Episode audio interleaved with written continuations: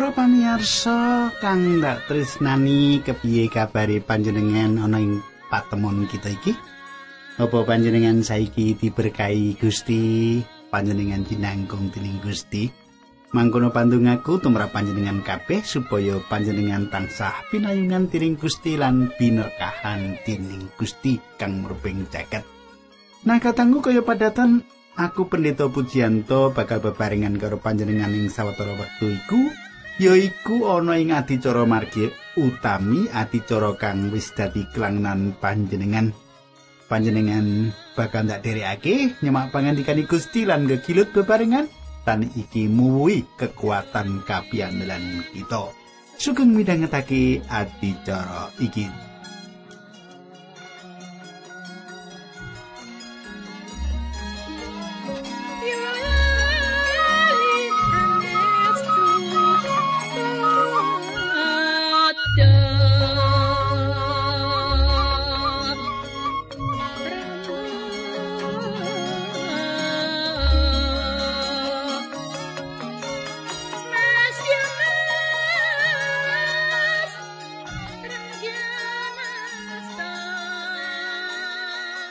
Katangku ing kepungkur panjenengan wis tak aturi perkara-perkara kang ditulis ing kitab Injil Lukas.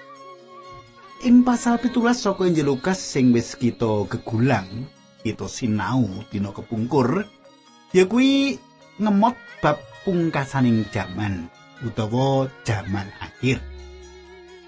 Yen Gusti Yesus mesti bakal rawuh meneh ing bumi mengkono sing ndak aturake marang panjenengan kepungkur. Lan Gusti Yesus bakal nganti kita sowan ing ngarsane Allah. Panjenengan isih kelingan? Apa sing tak aturake nalika patemon kita kepungkur? Nah katangku kita bakal ndedonga dhisik sadurunge tak teruske. Aku nyuwun supaya panjenengan wis nyawisake kitab suci panjenengan Monggo kita tumungkul kita ndedonga bebarengan.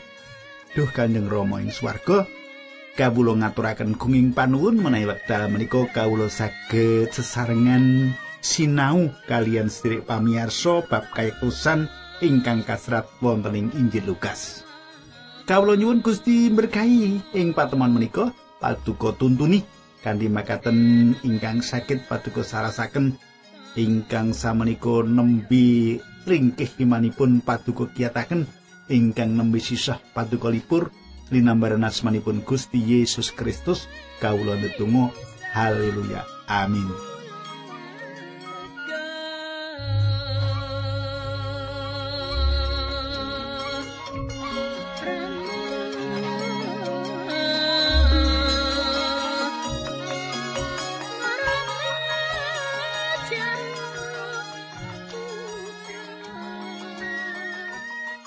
Katanggu kang dak tresnani, saiki kita wis ngancik pasal 18 saka Injil Lukas.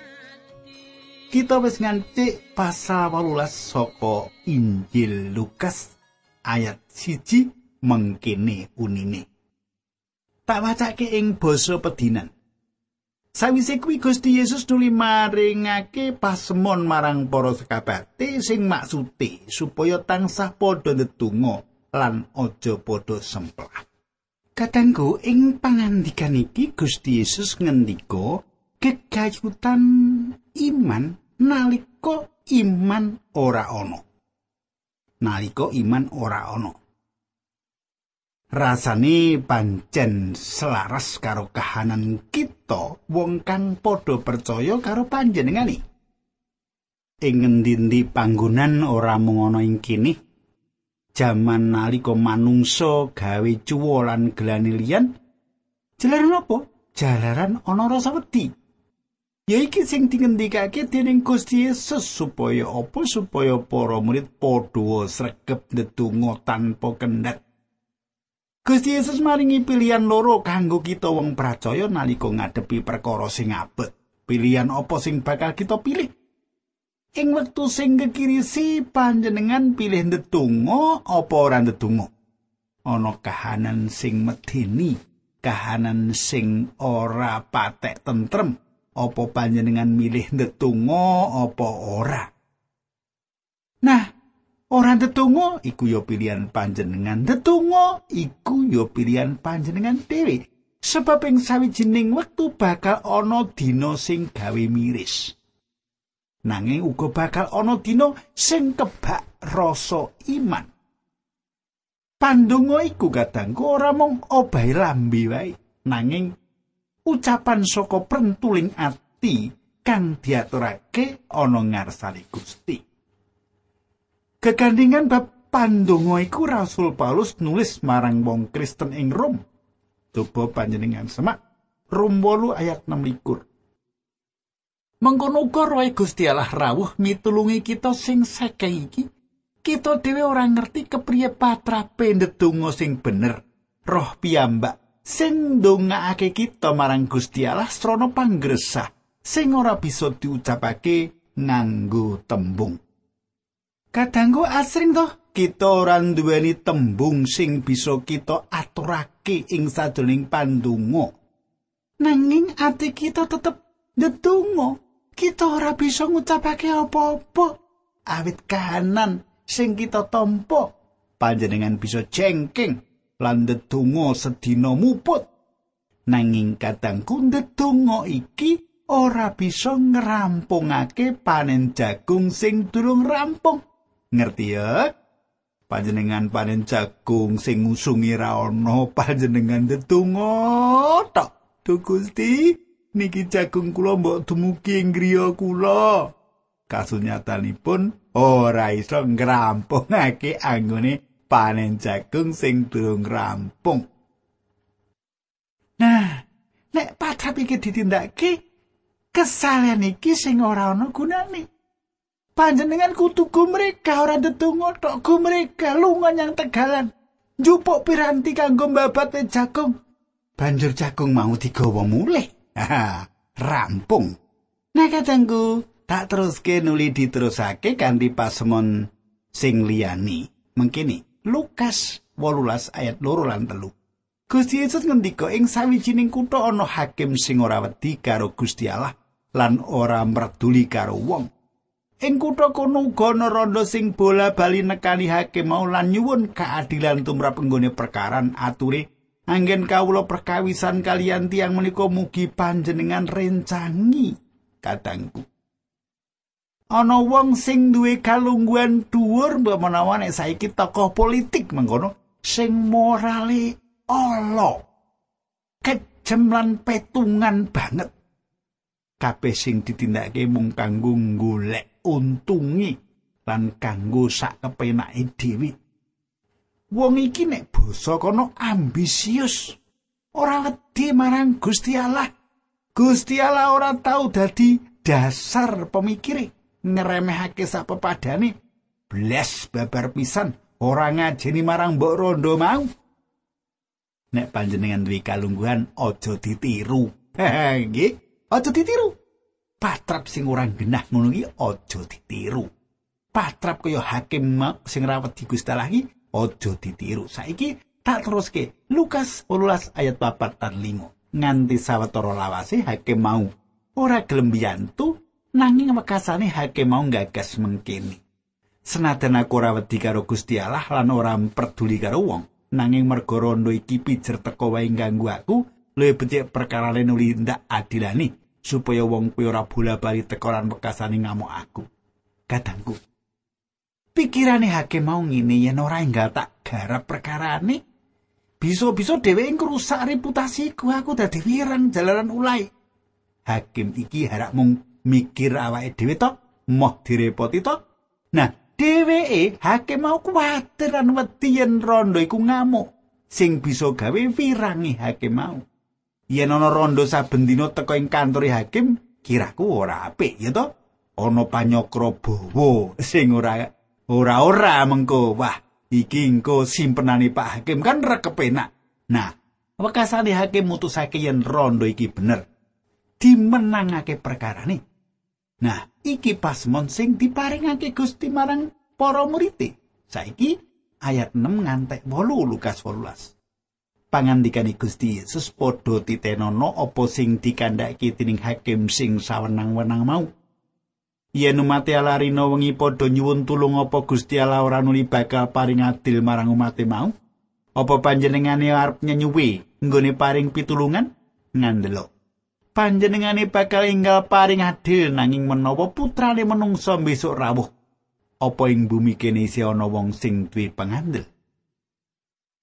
Kadangku kang dak tresnani iki ora sawijining pasemon sing ngotot lan praten ing pandonga. Mesine sing didhawuhake Gusti Yesus iki pasemon sing ngandhut kayekten ilahi. Ana rong perkara anggone Gusti Yesus paring pasemon, sing siji nganggo pasemon sing bandingake, sing sijine meneh pasemon sing kosok balen. Apa banjur panjenengan kagungan panemu yen Allah iku hakim sing ora adil? yen panemu panjenengan kaya ngono iku panemu sing luput Gusti Allah iku dudu hakim sing ora adil yen hakim sing konyol iku wae bisa ngrungokake pesambate mbok rondo mlarat. Jalaran terus-terusan ditekani dan dijali tulung. Lan wusalane menangake perkarane. Mesine kita ora perlu kuatir. Nyuwun pitulungane marang Allah sing saknyatane ora kaya dini hakim sing ora adil iku. Gusti Allah tansah kersa paring panjawab atas apa kang kita dungake marang panjenengan. Gini yo. Saiki akeh wong Kristen sing wis alum semangati kanggo ndedonga, lungsing kelokro anggone ndedonga. Sajake wae kita perlu ngotot marang Gusti Allah ing pandonga kita. Banjur apa bedane karo rondo mau sing ngadepi hakim sing konyol? Eling. Gusti Allah dudu hakim sing konyol. dudu hakim sing ora adil panjenengane Allah hakim sing adil lan luper katresnane marang kita ayat 9 lan 10 Gusti Yesus nuli maringake pasemon sing katujokake marang wong-wong sing nganggep awake dhewe sampurno sarta ngremehake wong liya pangandikane ana wong loro padha mlebu ing pedalemane Allah arep ndedonga sing siji wong Farisi lan sing sijine pegawe pajak panjenengan semak pangandikan kalau wau kata kula. Wong-wong Paris iki duweni kalungguhan paling dhuwur ing agama Yahudi. Kalungguhan sing luhur. Kosok balene tukang pajak iki urutan kalungguhane sing paling asor dewi, jeblok dewi. Pasemon bab pegawe pajak iki dikumpulake karo wong-wong dosa. Wong pegawe pajak kuwi dipadhake karo wong-wong dosa yen wong parisi nganggep yen dheweke iku sing bakale bisa ditampa ana ngarsane Allah. Ayat 11. Wong parisi mau ngadeg ing panggonan sing gampang katon ning wong lan ndedonga mengkini. Duh Allah. Kawula ngaturaken panuwun dhateng panjenengan awit kawula mboten sami kalian tiang-tiang sanes ingkang serakah ingkang remen ngapusi ingkang lampah dina lan boten sami kalian pegawe pajak menika. Kadangku coba panjenengan katekake dongane wong Parisi mau. Nah, apa sing ditindakake wong Parisi iki conto pambukane pandonga sing gegiri si gumedene. Ake-ake kita wong Kristen harak kaya ngono iku to yen ndedonga Pancen ora persis kaya ngono karane malah ukara pandonga kita luwih apik ketimbang pandungane wong Parisi mau. Nanging kurang luwih tegese padha. Mula becike kita matur kanthi prasaja ing pandonga marang Allah. Umpamane Gusti kula ngaturaken syukur ing ngarsa paduka. Jalaran tasih paduka paringi wekdal kangge ngladosi pakaryan menika lan sak panenggalanipun. Kita terusake ayat rolas saben seminggu kulo siam kaping kali. Sarto sak pros dasaripun pamedal kawulo, kawulo sedekahaken. Wah, katang kutupu semak. Anggone wong parisi ndedonga luar biasa. Iki sawijining pandonga sing hebat. Yen duwe warga gereja sing ngene iki seneng pendetani. pandungane wong Parisi iki pandonga sing isine crita marang awake dhewe. Ora ngaturake pandonga marang Allah. Senajan dhewe nganggep kaya ngono, pandungane mandek ing epeane omah. Gusti Allah ora tau midanget pandungane. Kosok baline Pegawe pajak sing asor derajate lan dicap wong dosa. Kaya-kaya wis ngedol bangsane marang penjajah sing ateges, dheweke ora ngakoni bangsane yaiku bangsa Yahudi. Lan yen ora ngakoni bangsane ateges uga nampik agamane, nyingkur agamane. Kini yo nglakoni kaya ngono, jalaran nekake untung dadi tukang narik pajak iku mesti sugih.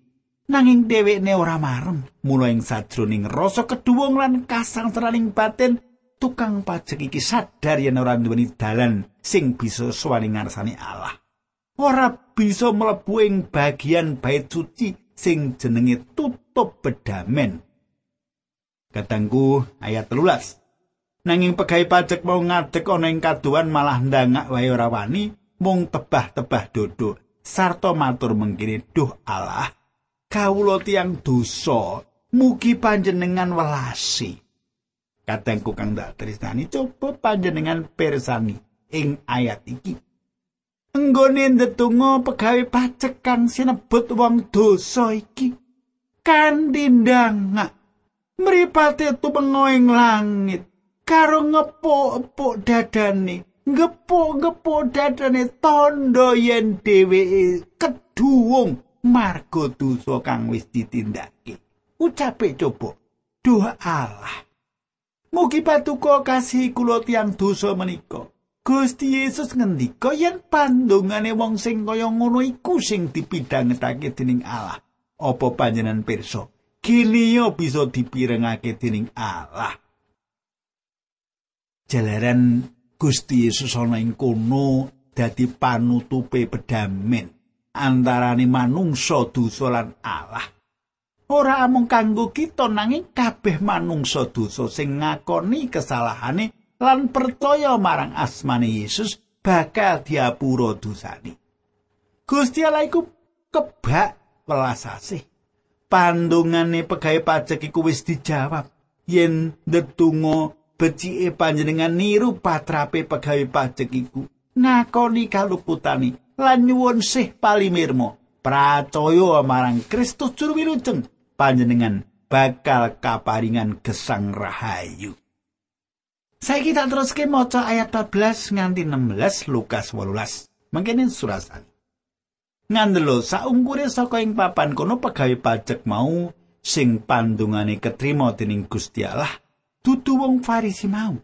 Awit saben wong sing luhurake awake dhewe bakal diasorake Dene wong sing ngasorake awake dhewe kuwi bakal diluhurake. Nuli ana wong sing padha teka nyuwanake anake sing isih cilik-cilik marang ngarsane Gusti Yesus supaya padha ditumpangi asta sarta diberkahi. Bareng weruh sing mengkono mau para sekabat padha nesu marang wong-wong mau. Nanging Gusti Yesus nimbali wong-wong sing padha arep nyuwanake anak-anake mau sarta ngendika, "Kareben bocah-bocah kuwi marek marang aku, awit wong sing kaya bocah kuwi sing padha dadi umat ing kratoning Allah. Kadangku para murid nganggep yen bocah-bocah cilik iku ora penting. Nanging yen Gusti Yesus beda panemune bab bocah cilik. Para murid rumangsa keganggu yen lagi nyambut gawe diributi bocah-bocah cilik. Gusti Yesus beda panemune karo para murid beda panemune karo para murid kabeh. Para murid kabeh nganggep yen bocah cilik iku wah malah ngrepoti, ganggu wae wis aja diperhatike. Ana gereja sing ora sah mulang sekolah minggu repot repot bocah-bocah iki rame ra genah. Diterus kaya tulas kaya ngapa Gusti Yesus yo elingo wong sing pambangun turute ora kaya bocah cilik iki ora bisa dadi umat ing kratoning Allah. Tak baleni yo. Ilinga wong sing pambangun turute ora kaya bocah cilik iki ora bisa dadi umat ing kratoning Allah. Kadangku Gusti Yesus ora kepareng yen wong-wong tuwa iki nglarang bocah-bocah cilik ana ing kono. Atine bocah cilik iku percaya karo para wong tuwa. Dikongkon apa wae nurut. Bocah-bocah iki durung bisa tanggung jawab. Dheweke bocah-bocah iki nindakake apa sing diperintahke dening wong tuane ya kaya ngono iku sipate bocah cilik saiki ayat 18 nganti 19 ana sawijining panuntune wong Yahudi nyuwun pirsa marang Gusti Yesus Guru ingkang utami, menapa ingkang kedah kula lampahi supados angsal gesang ingkang sejatos. Pangandikane Gusti Yesus, "Yo gene kowe ngarani aku utama.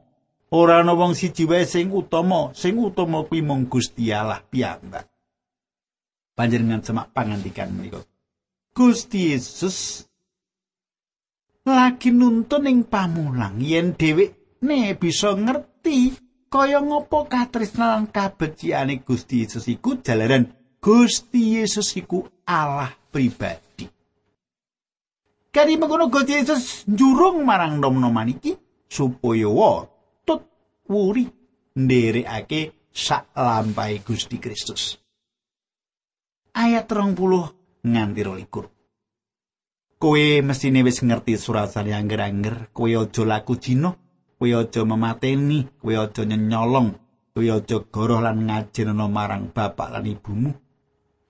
Wong mau mangsuli kasinggian sedaya pepakenipun angger-angger wau sampun kula lampahi wiwit alit milo. Nalika mireng mangsaran mau Gusti Yesus nuli ngendika isih ana saperkara sing kudu kok lakoni kabeh sak dhuwit-dhuwitmu dolono lan edum-edumno marang wong miskin temah kowe bakal oleh bondo ning swarga sawise kuwi nuli mrenio melu aku. Kadangku Gusti Yesus ngengetaken marang para pemimpin muda mirungganing bagian probitas. Sesambungan antara manungsa lan manungsa probitas ki ya. Sing utama yaiku pietas sesambungan antarane manungsa lan Allah. Pemimpin muda iki kasil ing babakan probitas nanging ora kasil ing babakan pietas. dheweke bisa ana ngarepe menungsa bisa nanging ning ngarsane Gusti Allah ora kasih. Dheweke kudu duweni sesambungan pribadi karo Allah. Iki jalaran kaling-kalingan donya branane. Sapa wae ora bisa mlebu swarga karo nggawa bandane utawa kanthi pambudidayane dhewe. Saiki ayat 13 nganti ayat 30 coba tak pacake ya. Bareng krungu pangandika sing mengkono mau wong kuwi sedih banget awit dheweke sugih. Bareng Gusti Yesus percayan wong mau sedih banget nuli ngendika, "Ibu, angile wong sugih dadi kawula ing kratoning Allah." Luwih gampang untuk mlebu ing bolongane dom tinimbang wong sugih dadi kawula ing kratone Allah. Wong-wong sing padha ngrungokake pangandikane Gusti Yesus mau nuli padha nyuwun pirsa. Menawi makaten sinten ingkang saged wilujeng pangandikane Gusti Yesus. apa sing tumrape menungsa mokal kuwi tumrape Gusti Allah ora mokal. Petrus nuli matur, kawula sampun sami nilar bali griya kawula sarta nderek panjenengan. Pangandikane Gusti Yesus kuwi bener. Ngandelo saben wong sing ninggal omahe utawa bojone utawa sedulure utawa bapak lan ibune utawa anak-anake merga nggone ngabdi lan bangun turut marang dawuh kratone Allah. Wong kuwi mesti bakal nampani ganjaran tikel matikel ing jaman saiki. lan nampani urip langgeng ing jaman akhir. Katengku kang dak tresnani senajan pemuda iki wong nom iki watak ora lilo. Nanging Gusti Yesus tresnani pemuda iki jalaran kasugihane pemuda iki dipisahke karo Yesus. Upamane pemuda mau gelem percaya marang Sang Kristus mesti bakal katebus dosane. Gusti Yesus wis cedhak wektune kanggo nebus dosane manungsa ing kayu salib. Sapa to pemuda iki? Sapa to nom-noman iki? Ora cetha. ora dingerteni sapa dheweke apa panjenengan kagungan perkara kaya pemuda iki sugih pinter pangkat apa sebanjure pemuda mau nderek Gusti? Muga-muga wae ngono. Apa panjenengan uga kepengin nderek Gusti Yesus? Gusti Yesus nresnani panjenengan. Gusti Yesus marasake wong wuta ing Injil Lukas ana wong wuta loro sing diwarasake. Yen ing Injil Matius lan Markus mung wong siji sajake lelakon iki ora bebarengan kelakone yen ing Injil Matius lan Markus nalika Gusti Yesus tindak saka Yeriko nanging ing Injil Lukas sadurunge Gusti Yesus rawuh ana ing ayat 41 nganti 43 saya kita wacake Lukas 18 ayat 31 nganti 37 Gusti Yesus nuli nimbali sekabate rolas diajak misah sarta dipangandikani. Padha titenono kita saiki padha lunga menyang kutha Yerusalem lan kabeh sing wis ditulis dening para nabi bab putrane manungsa bakal kelakon. Panjenengane bakal dipasrahake marang wong sing dudu bangsa Yahudi lan bakal disawenang-wenang, disia-sia lan didoni. Panjenengane bakal kasiksa lan disedani nanging ing dina katrune panjenengane bakal bungu meneh. Nanging para sekabat ora nyandak babar pisan apa tegese pangandika mau kabeh awit pancen kagawe samar tumraping para sekabat nganti padha ora ngerti sing satemeni. Nalika tindake Gusti Yesus wis meh tekan kutha Yeriko ana wong wuta lungguh ing pinggir dalan karo ngemis. Barang wong wuta mau krungu suarane wong akeh padha liwat ing kono nuli takon, "Ana apa to?"